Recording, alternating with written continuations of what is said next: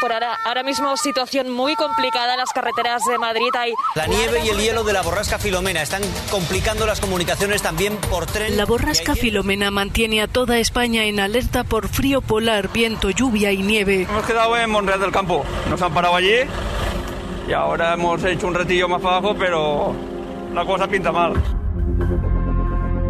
RAC1 i Naturgy t'ofereixen Oxigen, el podcast de RAC més 1 amb Mònica Usart. Entre el 6 i l'11 de gener del 2021, la borrasca Filomena va afectar moltes zones de la península. Va portar vent, temporal de mar, pluja i sobretot neu.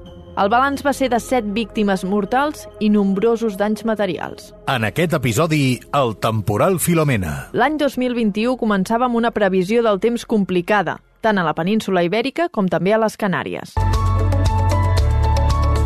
¿Qué tal? ¿Cómo están? La borrasca Filomena avanza. Hoy lo hace al norte de las Islas Canarias, en las próximas horas al suroeste peninsular, dejándonos temporal de lluvia, viento y mala mar, tanto en las islas, también en el sur de Andalucía y en Ceuta, además de contar con nevadas copiosas en el centro y en el sureste peninsular, con cotas muy bajas. L'Agència Estatal de Meteorologia, l'AEMET, va emetre avisos pel temporal de vent, de mar, de pluja i de neu a cotes força baixes. Com en qualsevol situació meteorològica complicada, els homes i les dones del temps ho seguien amb emoció i amb atenció. Recordo molt bé el pronòstic perquè que anàvem mirant la previsió i tot i que era a llarg termini... Núria Saró, meteoròloga de Ràdio Televisió Espanyola. A més d'una setmana vista, els models anaven dient que sí, que Filomena que venia i que venia carregada de neu.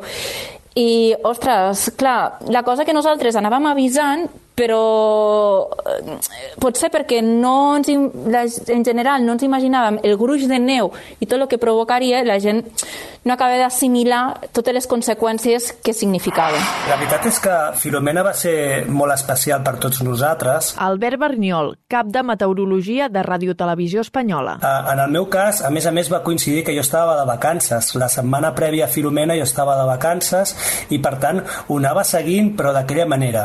Els meus companys eh, em començaven a avisar i començaven a dir-me que mirés els mapes i jo era una mica reticent, no? perquè quan estic de vacances l'única manera de desconnectar és no mirar ni els mitjans de comunicació, ni cap mapa, ni cap model. Però eh, després del segon o tercer missatge vaig començar a mirar allò com aquell que no vol eh, els mapes i la veritat és que la situació cada vegada era més complexa. Al principi ens aferràvem la idea aquesta de que quedàvem molts dies i que segur que la situació es anava suavitzant una mica, però a mesura que els models es anaven eh, confirmant dia tras dia, doncs de fet vaig decidir avançar la meva eh, arribada de nou a la feina, vaig avançar tres dies i, i ens van començar a, a treballar amb la idea de que Filomena anava a impactar bastant a bona part de la península.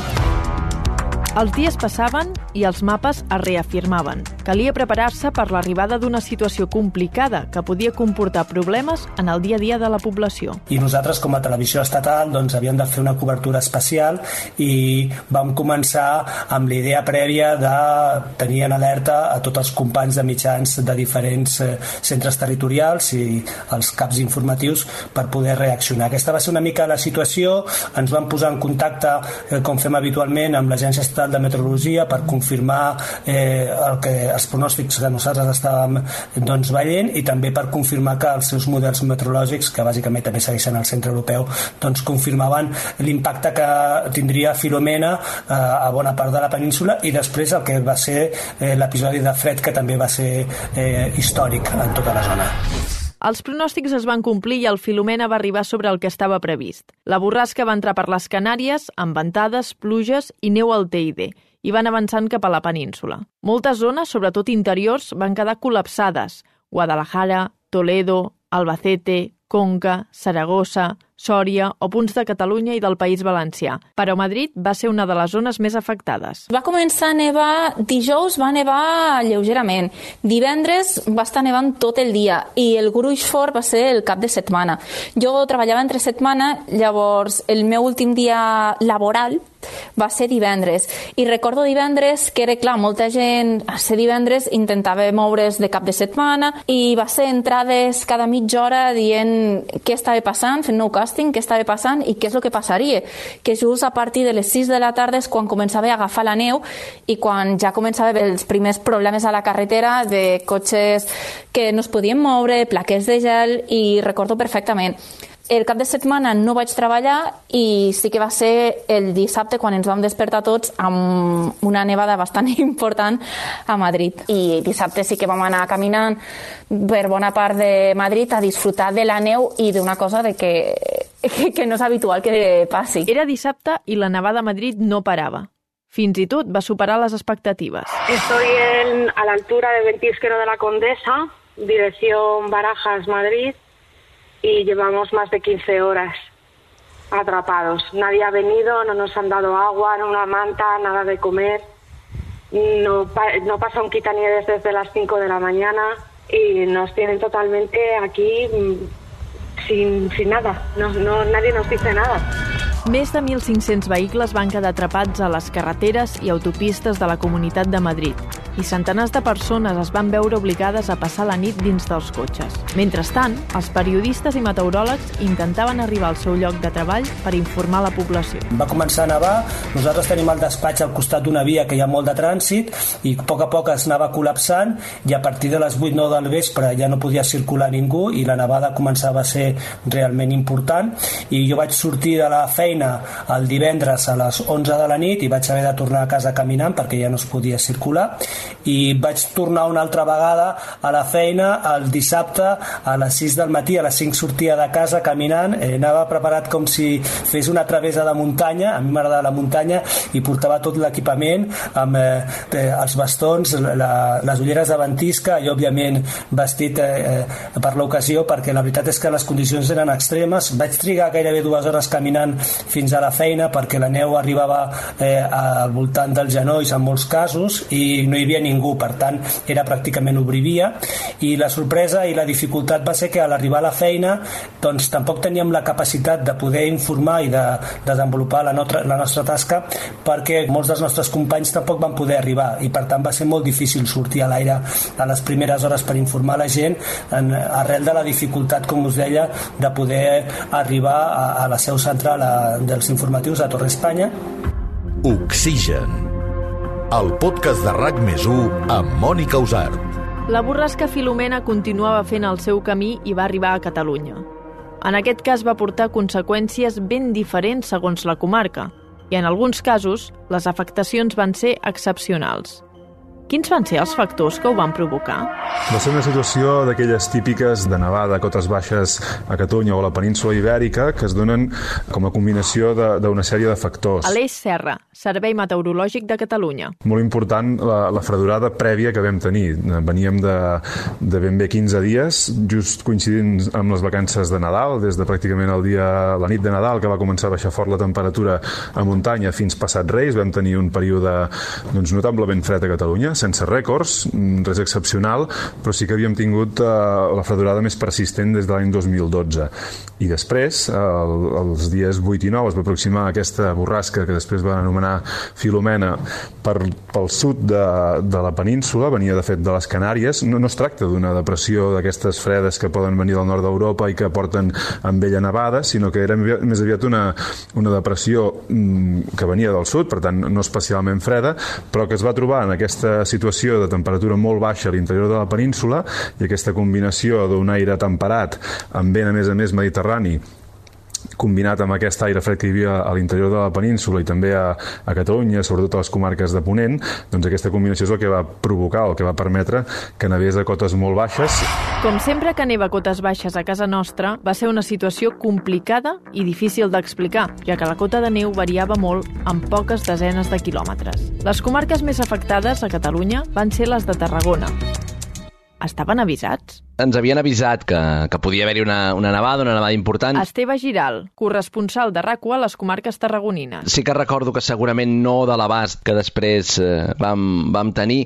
A l'interior de Tarragona i també a l'interior de les Terres de l'Ebre, quan hi ha grans nevades, sempre has d'estar a la guait, eh, sobretot de comarques, per exemple, com el Priorat o la Terra Alta, que saps que són de comunicacions fràgils, eh, sobretot perquè tenen moltes eh, carreteres secundàries i també molt a la guait per, per tota la xarxa de camins, que moltes vegades és una visió més urbana no hi pensem, però en una nevada important com les que hem tingut els últims anys, sempre on a la part més fràgil, diguéssim, són els camins. I per tant estàvem molt atents també al que pogués passar a nivell de, de comunicacions, carreteres secundàries, camins, si s'acumulaven gruixos de neu importants. L'Esteve va intentar cobrir les afectacions per la nevada, però de seguida va haver de girar cua estàvem seguint les, les previsions meteorològiques des de, des de casa i sempre quan hi ha una nevada d'aquestes fem allò la doble cobertura, que és eh, des d'un punt de vista més d'informar eh, totes les afectacions, que això ho pots fer més des d'un de, des punt, no?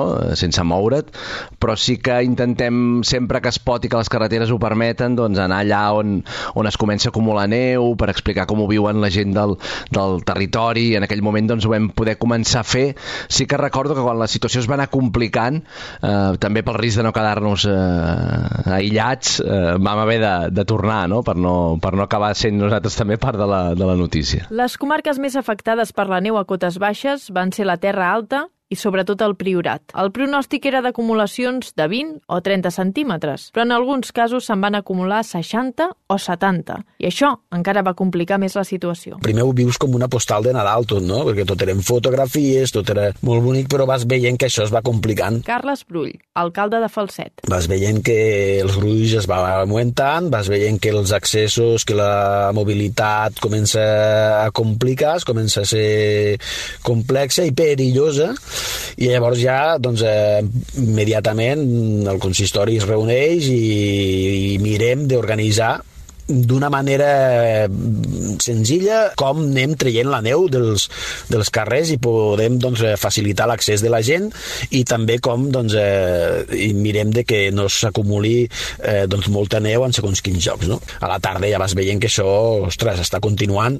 Llavors aquí ja comencem a activar més maquinistes, eh, repartint també salt i, i així ens fiquem, més que res perquè no es anés acumulant gruix i no es gelés el, el, les primeres capes i poguéssim doncs, anar traient neu a l'endemà si continuava nevant, perquè les prediccions ja eren que continuava. Fins que arriba el moment més crític, que és quan marxa la llum. Era una nit fosca, també, era una nit eh, amb un temporal potent i sense llum. I aquí és on ja comences a viure-ho d'una manera més angoixant. Oxigen.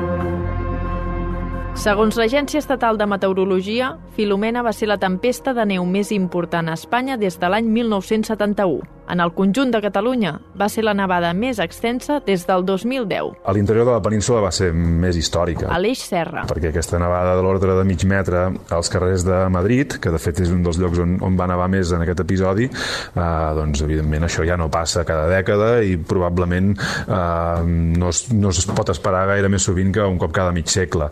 A més a més, a, a l'interior de la península, entre Castella, Aragó, després de la nevada, eh, amb, amb aquests gruixos de neu tan importants que havien quedat en zones eh, d'altiplans, que després, a més a més, el, el cel es va serenar ràpidament, es van produir glaçades molt importants. Es va arribar a valors de l'ordre de 25 graus sota zero a localitats a 1.000 metres d'altitud, Molina d'Aragón, eh, alguns sectors de la província de Terol, sectors molt acostumats al fred, però de l'ordre de que cada any potser arriben a 10, 12, 14 sota zero algun dia. 25 sota zero és una temperatura que, que feia moltes dècades que no s'assolia en aquests sectors de la península península. Amb l'onada de fred que va arribar després de la borrasca Filomena, la neu es va glaçar, cosa que va complicar la neteja de carrers i carreteres i també l'accés a zones que havien quedat aïllades. I per què se li va posar el nom de Filomena? Doncs perquè era la sisena borrasca important que afectava Espanya aquella temporada. Penseu que cada any es genera una llista de noms per ordre alfabètic per anomenar aquelles pertorbacions que es creu que tindran una gran repercussió. D'aquesta manera, es pretén que la gent estigui més al cas. La llista la creen conjuntament els centres meteorològics d'Espanya, França, Portugal i Bèlgica i s'intercalen noms masculins i femenins. Oxigen. I davant de situacions tan extremes és fàcil posar en dubte els pronòstics.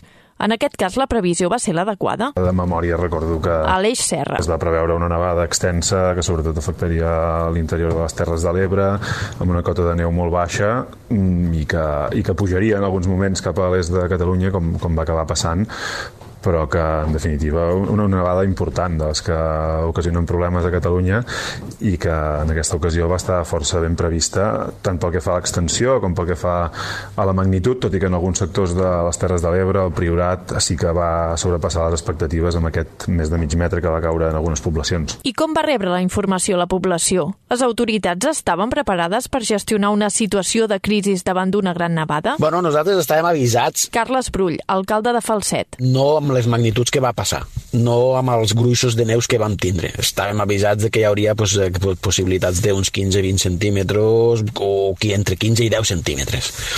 Però ni molt menys amb la magnitud del que va acabar sent, que vam estar parlant de 60 i 70 centímetres a segons quins, quins llocs del Priorat i concretament també a Falset. Aquest tipus de situacions més extremes com es veuran afectades davant de l'escenari de canvi climàtic que tenim? Són episodis molt infreqüents, per tant, costa de valorar en, en termes de canvi climàtic, perquè precisament quan valorem com, com varia el clima en les últimes dècades en relació amb l'escalfament global, el que podem dir és si cert tipus de fenòmens es fan més freqüents o, o més infreqüents. Per exemple, doncs tenim, sembla clarament, cada cop més onades de calor i més intenses i, i, i amb menys temps entre una i altra, i en canvi doncs, la, els, els períodes freds eh, persistents es fan menys freqüents.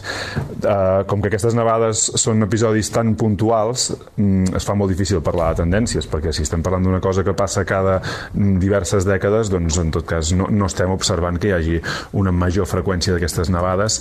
Eh, jo crec que en aquests moments encara és molt complicat lligar l'ocurrència d'aquests fenòmens amb, la, amb, amb les conseqüències de l'escalfament global. La borrasca Filomena va arribar amb més força del que s'esperava. La neu i les glaçades posteriors van portar molts problemes. Va ser una situació excepcional que ens va posar a prova a tots. No només als meteoròlegs, sinó a tota la gent que va haver de sortir amb condicions extremes per ajudar. RAC1 i Naturgy t'han ofert Oxigen, el podcast de RAC més 1 amb Mònica Usart.